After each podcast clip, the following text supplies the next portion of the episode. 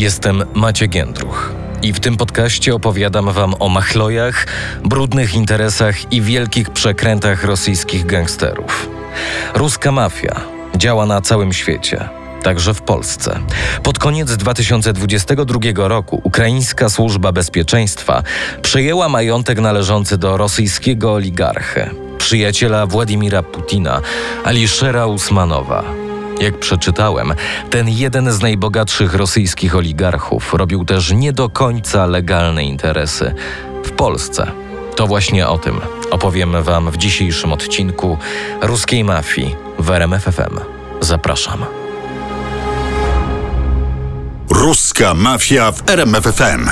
Brudne interesy przyjaciela Putina w Polsce. Sekwencja pierwsza.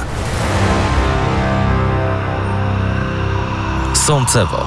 Według szacunków jedna z najpotężniejszych grup mafijnych na świecie, czyli słynna mafia sącewska, pierze w Polsce rocznie około 10 miliardów dolarów. Na stronie internetowej Ubercasta znalazłem materiał o Aliszerze Usmanowie. Jeden z podtytułów tego materiału brzmi Oligarcha Usmanow tworzy swój przyczółek biznesowy w Polsce postanowiłem sprawdzić, co rosyjskie media piszą o Usmanowie. Alisher Usmanow to uzbecko-rosyjski biznesmen urodzony w 1953 roku. Jak wynika z wielu artykułów poświęconych jego sylwetce, zawsze miał smykałkę do interesów. Swoją pierwszą fortunę zarobił produkując w latach 90. plastikowe torby, które były towarem deficytowym w byłym już Związku Radzieckim. Po ukończeniu studiów pracował jako urzędnik państwowy w Teszkięcie i zapewne wtedy rozpoczął współpracę z uzbecką mafią narkotykową. Z czasem stał się ważnym człowiekiem tej organizacji przestępczej. Zaprzyjaźnił się nawet z bosem mafijnym Gafurem Rakimowem. W 1980 roku został skazany przez Trybunał Wojskowy Uzbeckiej SSR za łapówki i wymuszenia oraz, jak znalazłem w innym źródle, za brutalny gwałt. Sześć lat spędził w obozie pracy. Został w pełni zrehabilitowany przez Sąd Najwyższy Uzbekistanu w 2000 roku. Jego wyroki zostały wymazane z archiwum osób skazanych. Według byłego ambasadora Wielkiej Brytanii w Uzbekistanie, Grega Maraya, ułaskawienie Aliszera Usmanowa i wymazanie jego wyroków zostało zorganizowane przez ówczesnego prezydenta Uzbekistanu, Isloma Karimowa, w ramach jego sojuszu z uzbecką mafią narkotykową. Znane są również powiązania Usmanowa z największą rosyjską mafią sącewską. Mafia sącewska działa na skalę międzynarodową. Powszechnie jest uważana za najpotężniejszą zorganizowaną grupę przestępczą świata.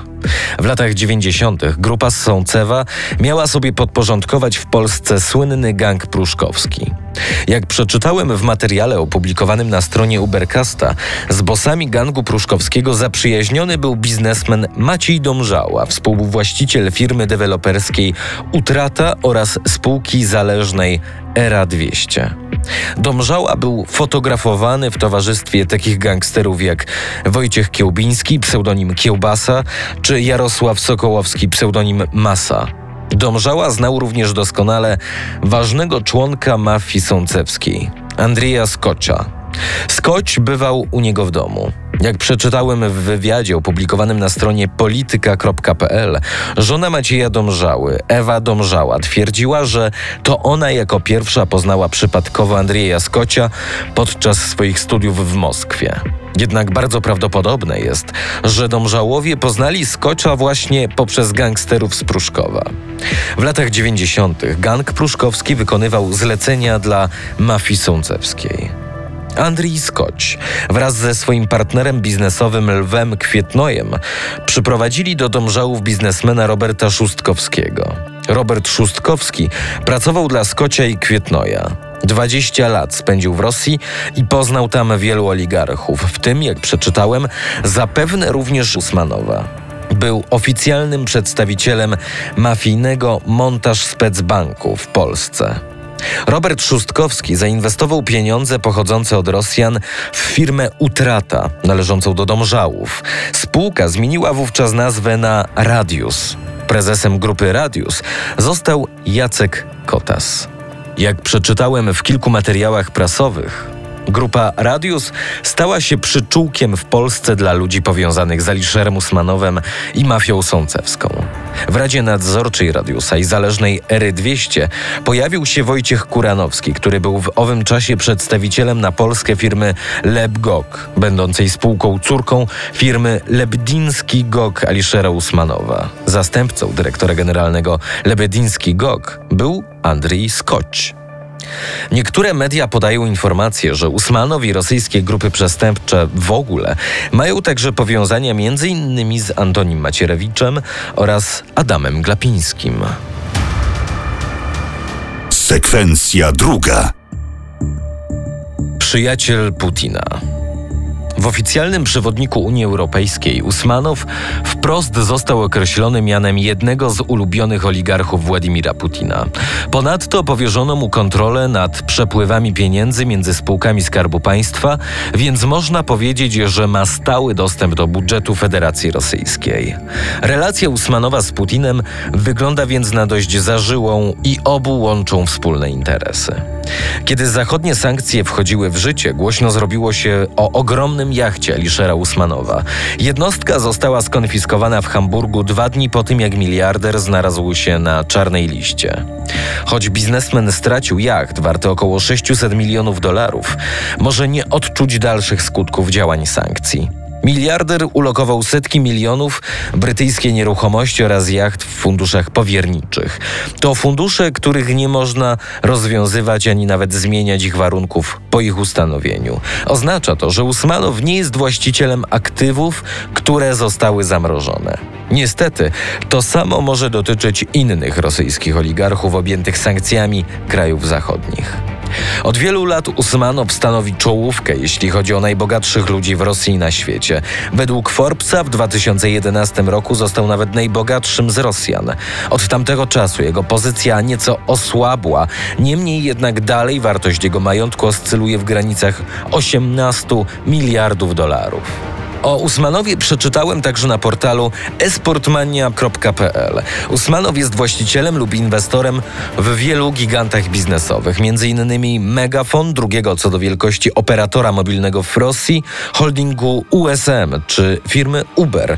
Jedną z pasji rosyjskiego oligarchy jest także sport. Przez wiele lat był on jednym ze współwłaścicieli Arsenalu, a do momentu wybuchu wojny w Ukrainie wspomniany już USM współpracował z innym londyńskim klubem Evertonem.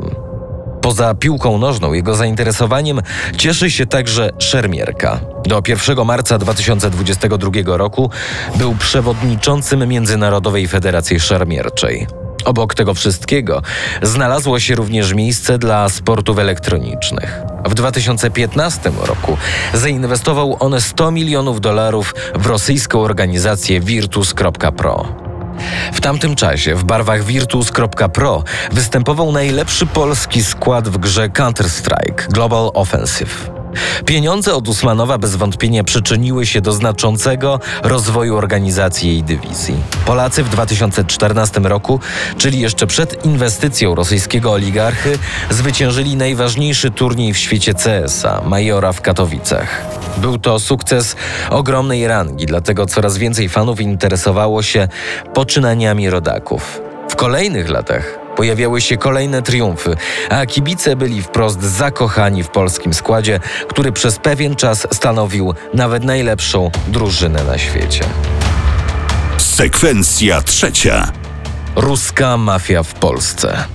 Z tego co zauważyłem, w 2010 roku pojawiło się sporo artykułów w polskich mediach dotyczących obecności rosyjskich gangsterów w Polsce.